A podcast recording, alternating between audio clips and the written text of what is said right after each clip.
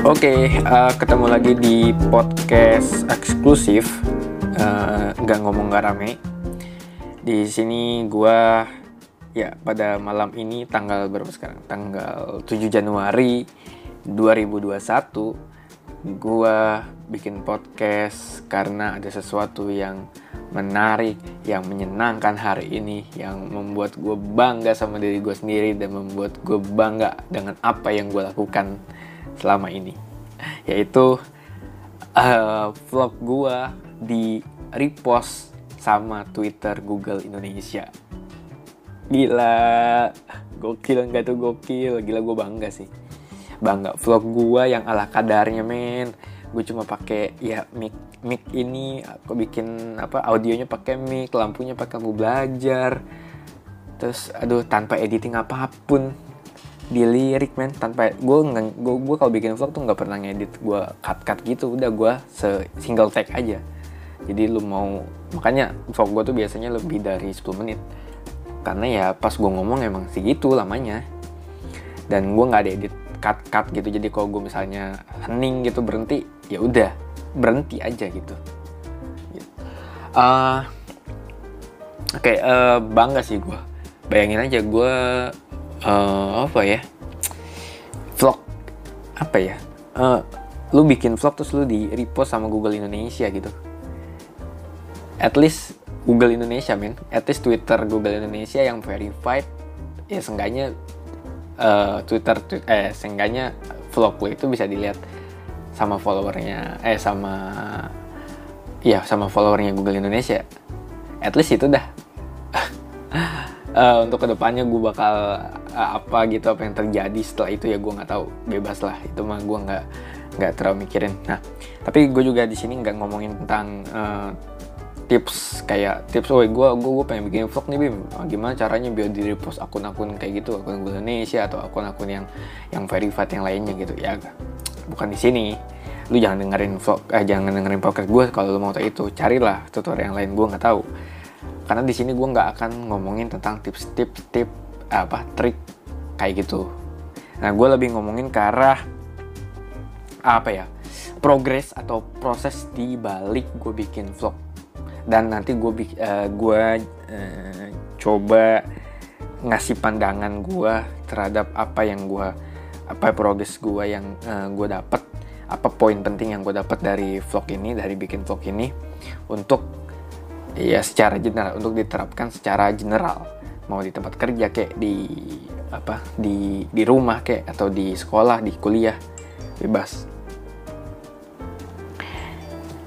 Nah uh, nah uh, terus pemana tadi tuh gue gara-gara ngeliat Instagram jadi lupa. Oh iya oh iya gini. Jadi uh, pro uh, progres di belakang gue bikin vlog oke gini uh, uh, sejarahnya atau uh, latar belakang jadi uh, kalau lo ingat gue bikin vlog tentang belajar eh uh, apa belajar mesin learning mulai dari mana part 1 yang awal-awal pokoknya nah um, viewernya itu udah nembus 1000 viewer Nah gue bangga kan. Itu itu video pertama gue yang nggak berkaitan sama fisika, sama ngajar. Itu nembus 1000 penonton, 1000 viewer. Biasanya kalau kalau gue lihat di video-video gue ya, video-video yang ngajar tentang misalnya rangkaian listrik, tentang pokoknya tentang fisika gitu, itu baru yang nyampe di atas 1000. Sisanya tuh di bawah 1000. Ya, iya di bawah 1000 bener, kayaknya nggak ada deh. Selain itu gue lupa. Nah, gara-gara si belajar mesin learning itu nembus ribu, gue akhirnya berinisiatif untuk bikin part 2 logis dong karena gue pikir oke okay, orang uh, viewer gue atau subscriber subscriber gue at least itu suka dengan eh, konten-konten uh, yang berhubungan sama uh, gimana mulai belajar mesin learning. Orang-orang pengen tahu gitu pendapat gue tentang itu. Nah uh, dari situ ya gue berinisiatif untuk bikin part 2 kebetulan gue tahu program atau gue pernah ikut program yang berkaitan sama mesin learning yaitu Google Bangkit. Nah, uh, jadi gue akhirnya bikin part 2 yang ngomongin pengalaman gue dari awal sampai akhir ikut di Google Bangkit oke udah ya itu singkat cerita uh, gue bikin vlog dan akhirnya ah terus uh, kedua gini uh, pas di Twitter ya gue lagi main Twitter itu uh, kebetulan lagi nih kebetulan ada tweet promoted lo tau kan tweet yang yang iklan lah ad yang ada tulisan promotednya. Itu dari Google Indonesia dan dia lagi eh dia uh, dan dipromoted itu tentang bangkit. Jadi lagi di uh, bangkit ini lagi dipromosikan. Nah kebetulan banget tuh. Lagi dipromosikan saya masuk dong. Vlog saya ke situ saya bilang nih gua sebagai alumni angkatan pertama bangkit uh, gue bikin YouTube-nya nih, lu bisa nonton, lu bisa dengerin uh, terkait uh, apa uh, gimana pengalaman gue ngikutin bangkit. Blar, blar, udah kan, gue udah ngasih komen, gue tinggal, ya udah gue gue gue mau bodo amat, maksudnya uh, lu mau nonton boleh, nggak mau nonton juga nggak apa-apa, gue cuma nge-share aja gitu. Kali aja kali aja dia uh, yang mau tahu, kalau nggak ada juga apa-apa. Nah, singkat cerita akhirnya mungkin ya gue nggak tahu nih. Mungkin uh, si Google Indonesia atau pihak dari Bangkit atau dari tim Bangkitnya Google gitu itu ngelihat video gue nonton video gue dianggap bagus dan akhirnya uh, apa perwakilannya nge WA gue minta izin untuk repost ya gue sini dong jelas dong. Terus uh, ya udah akhirnya pada malam ini vlog gue di repost di Twitter Google Indonesia. Lu bisa cek deh kalau nggak percaya di Google Indonesia uh, at Google underscore IDN IDN-nya gede. Wah udah. Gila di situ wah di situ semangat gue dan dan udahlah bangga lah bangga sama diri gue sendiri. Nah uh, poin poin pelajaran yang bisa gue ambil yang bisa kita ambil pertama adalah inisiatif. Bayangkan kalau misalnya gue uh, gue nggak berinisiatif untuk bikin part 2 oke maksudnya gue kayak ah udah puas lah dengan part 1 gue udah ngasih apa yang gue tahu part 1 nemu 1000 k satu apa 1000 penonton. 1k ya bukan 1000k amin sih kok bisa 1000k tapi 1k 1000 penonton terus uh, uh, gue udah stop di situ nggak berinisiatif untuk bikin part 2 mungkin kejadian ini nggak akan terjadi dan ini inisiatif murni karena gue nggak disuruh sama Google nggak disuruh sama temen gue yang ikut bangkit lainnya gitu. Uh, disuruh sama apa sama ortu sama ah pokoknya nggak ada yang nyuruh lah. Gue inisiatif murni inisiatif gue uh, pengen lanjutin part 2 karena gue pikir orang suka terus gue ngomongin tentang bangkit. Uh, uh, tidak ada tidak ada tujuan apa pun murni untuk uh, berbagi lah. Nah, di sini poin yang penting adalah inisiatif.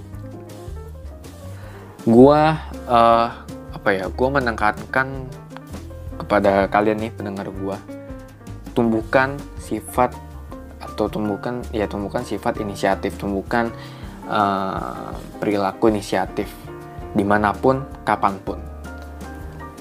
Kenapa? Uh, penting atau kenapa gue sarankan begitu karena inisiatif itu penting. Penting. Menurut gue penting banget. Pertama dia pertama bikin lu apa ya uh, kayak bikin lu nggak nunda-nunda eksekusi ide. Kan biasanya kalau kita punya ide kayak oh bagus nih tapi kayak udah nanti aja lah ngerjainnya nanti aja lah. Nunggu waktu yang tepat nanti aja lah gitu. Nah ini ini bisa ya udah bisa nggak bakal terwujud ide lu nggak bakal tereksekusi sampai kapan pun. Karena lu masih ragu gitu. Nah dengan inisiatif lu e, berani untuk eksekusi.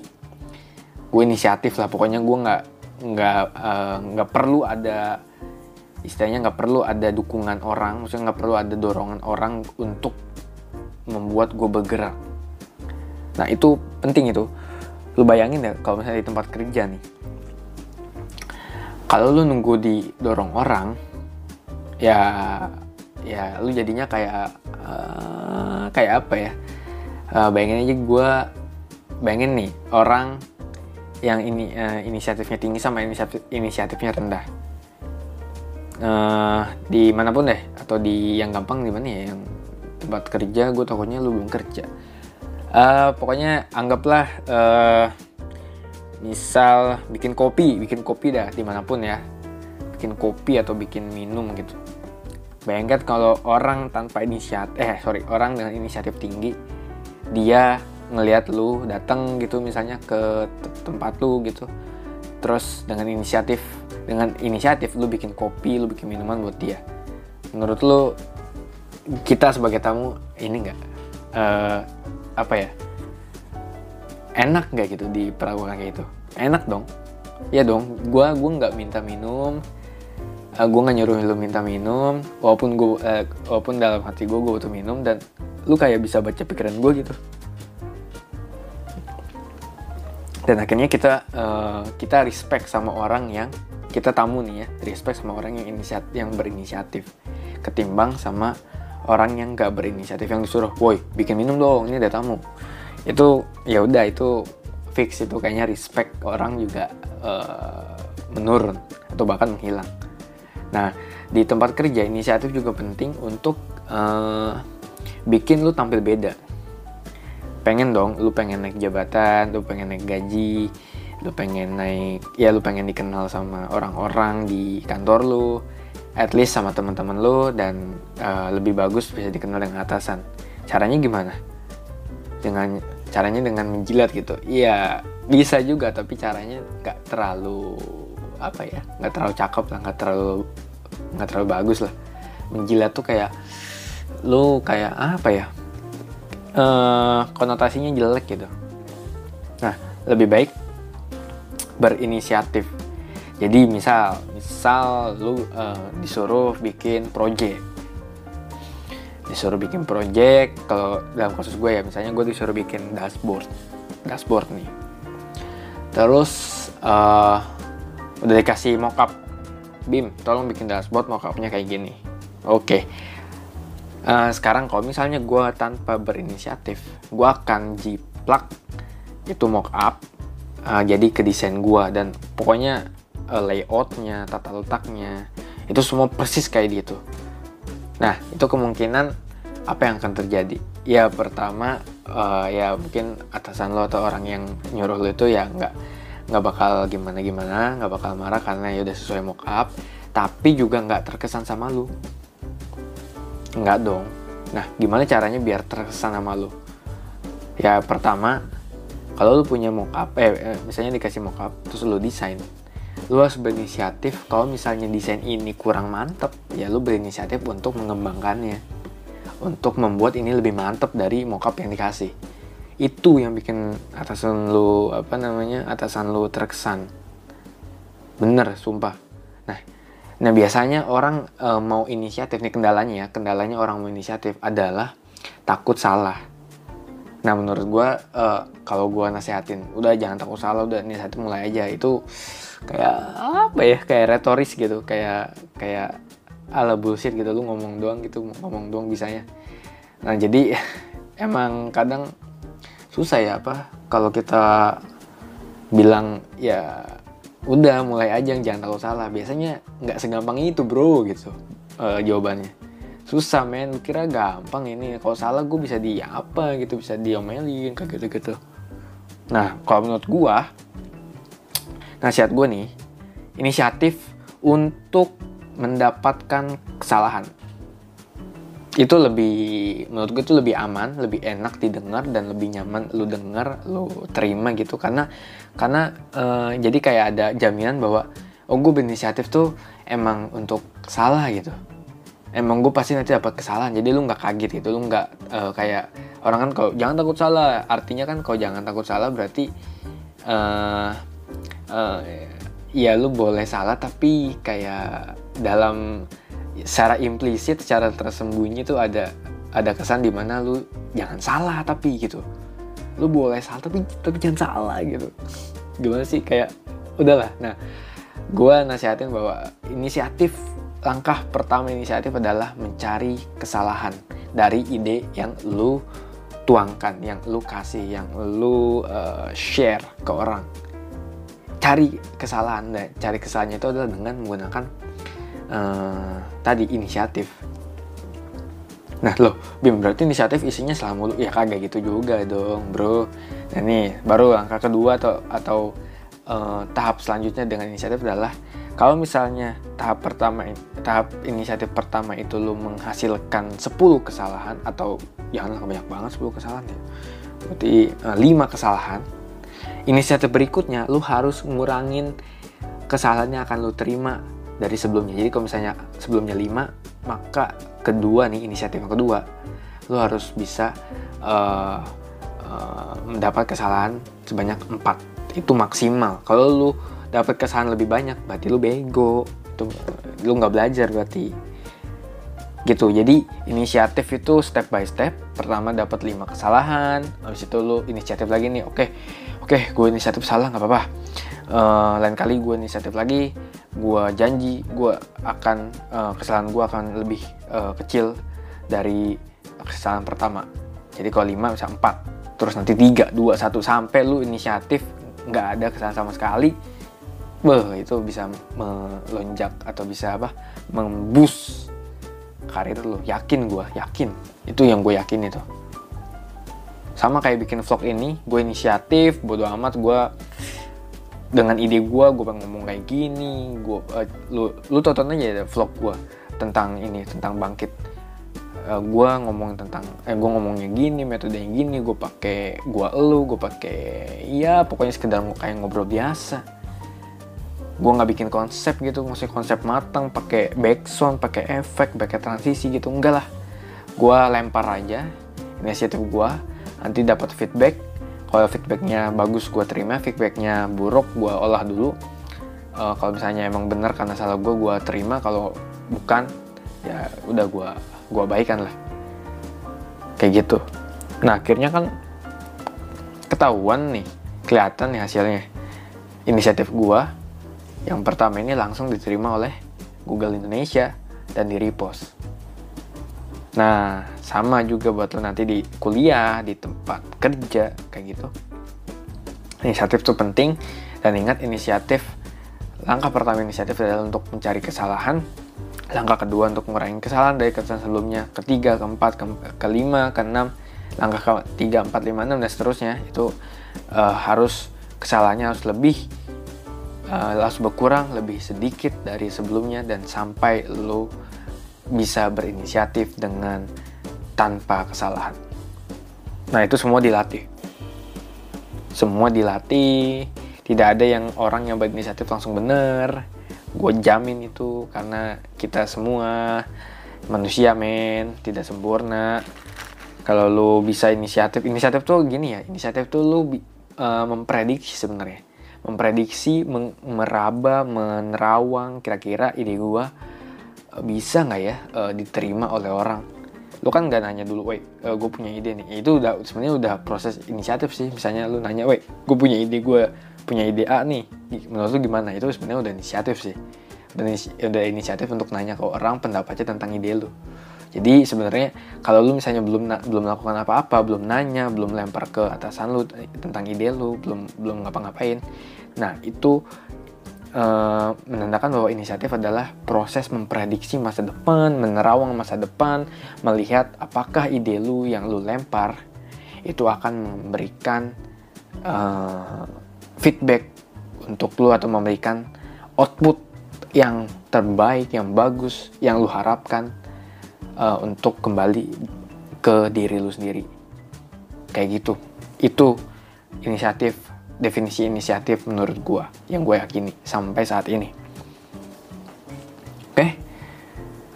uh, akhirnya udah keluar semua. Yang gue pengen bicarain malam ini kesenangan gue dan gue bisa berbagi ke lu. Gue bisa ya gue bisa memberikan sesuatu lah. Memberikan pandangan nih yang ya apa at least minimal. Uh, belum tentu pandangan gue ini benar dan lagi-lagi gue inisiatif untuk memberikan pandangan ini ke lu. Uh, jadi kalau lo ada feedback lo bisa uh, bisa apa bisa DM gue di Instagram. Karena kalau podcast kan kagak bisa komen ya. Jadi ya udahlah. Um, udah tuh gue udah tuh gue pengen ngomongin itu sih inisiatif. Paling ya tambahannya feedback. Jadi kalau misalnya lu dapat feedback kan ada feedback yang konstruktif yang positif. Ada uh, feedback yang destruktif menghancurkan atau negatif lah. Nah uh, kupikir feedback yang lu harus ambil adalah selalu feedback yang positif. Uh, tapi untuk feedback negatif lu perlu fil filter. Nah biasanya feedback negatif itu uh, lu lu harus ambil yang emang kesalahannya itu dari lu gitu ya mungkin feedback negatif emang kelihatan jahat gitu kayak haters kayak gitu-gitu tapi kalau kesalahannya dari lu kayak lu terima terus lu memperbaiki diri lu sendiri tapi kalau emang dia feedback hanya untuk menjatuhkan lu ya udah itu abaikan aja kayak gitu toxic itu namanya udah abaikan aja sih oke okay? Oke, okay, uh, eh, udah sih segitu aja yang pengen gue omongin. Semoga bermanfaat buat lo. Semangat untuk be terus berkarya, berinisiatif untuk membuat karya apa pun itu. Uh, dan jangan lupa untuk nge-share uh, karya lo untuk tunjukkan ke orang-orang. Ini ini bagian dari ini ya, marketing atau personal branding. Tunjukkan ke orang-orang bahwa lo bisa melakukan ini, lo bisa menghasilkan ini, lo punya kemampuan skill uh, untuk melakukan ini untuk membuat karya ini tunjukkan aja sama orang udah uh, masalah lu mau di mau di ejek-ejek kek mau di hina-hina kek udah itu proses hmm, proses pengembangan diri tuh makin banyak yang ya lu makin bagus makin tinggi pohon kan makin gede anginnya makin makin bagus karya lu berarti makin banyak yang ingin menjatuhkan gitu. Jadi jangan takut tetap berinisiatif tetap lempar aja semua uh, semua karya lu lempar aja ke sosmed uh, apa pun itu. Biarkan orang yang melihat karena sekali lagi seni itu ada uh, pasarnya atau ada penggemarnya sendiri. Nggak nggak mungkin semua seni itu semua orang itu uh, suka di satu seni tertentu gitu. Jadi kayak satu seni itu disukai oleh semua orang di dunia. Nggak mungkin. Pasti ada penggemarnya masing-masing. Ada yang suka fanatik bahkan uh, bahkan ada yang atau bahkan ada yang uh, benci banget sama karya lo. Itu biasa. Tapi itu jangan sampai uh, membuat lo uh, putus asa untuk membuat karya teruslah membuat karya uh, apalagi lo bisa hidup dari karya itu merupakan tujuan apa ya itu merupakan output yang yang sangat diharapkan oleh kita semua. Oke. Okay. Oke, okay, udah uh, itu aja yang pengen gue omongin. Terima kasih udah dengerin podcast gue, udah dengerin omongan celotehan gue di podcast eksklusif ini. Sampai jumpa di podcast-podcast selanjutnya. Selamat malam. Thank you.